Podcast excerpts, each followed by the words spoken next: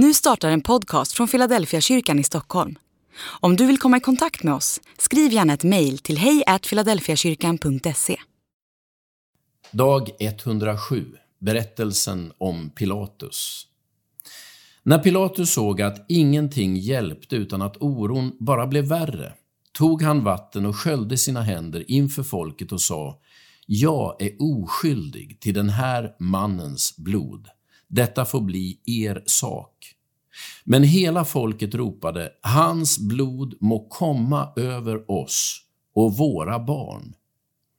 Då frigav han Barabbas, men Jesus lät han prygla och utlämnade honom sedan till att korsfästas.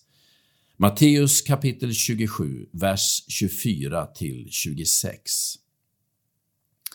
Pilatus står som den yttersta garanten för lag och ordning. Han är från början till slut helt övertygad om Jesu oskuld. Inte en enda gång finner han honom skyldig till det han anklagas för. Tvärtom inser han att det är av avundsjuka som de judiska ledarna vill få Jesus undanröjd.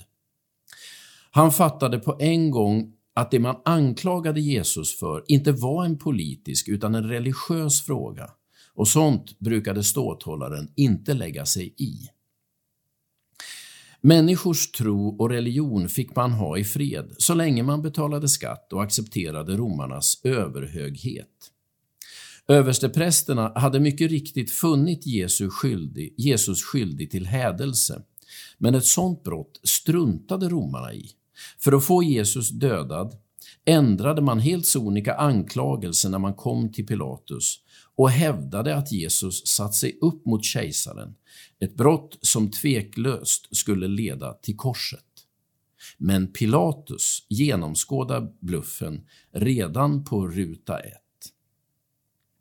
Berättelsen om Jesus och Pilatus illustrerar med all önskvärd tydlighet att Jesus är oskyldig till det brott han blir korsfäst för och Pilatus säger det gång på gång under processen.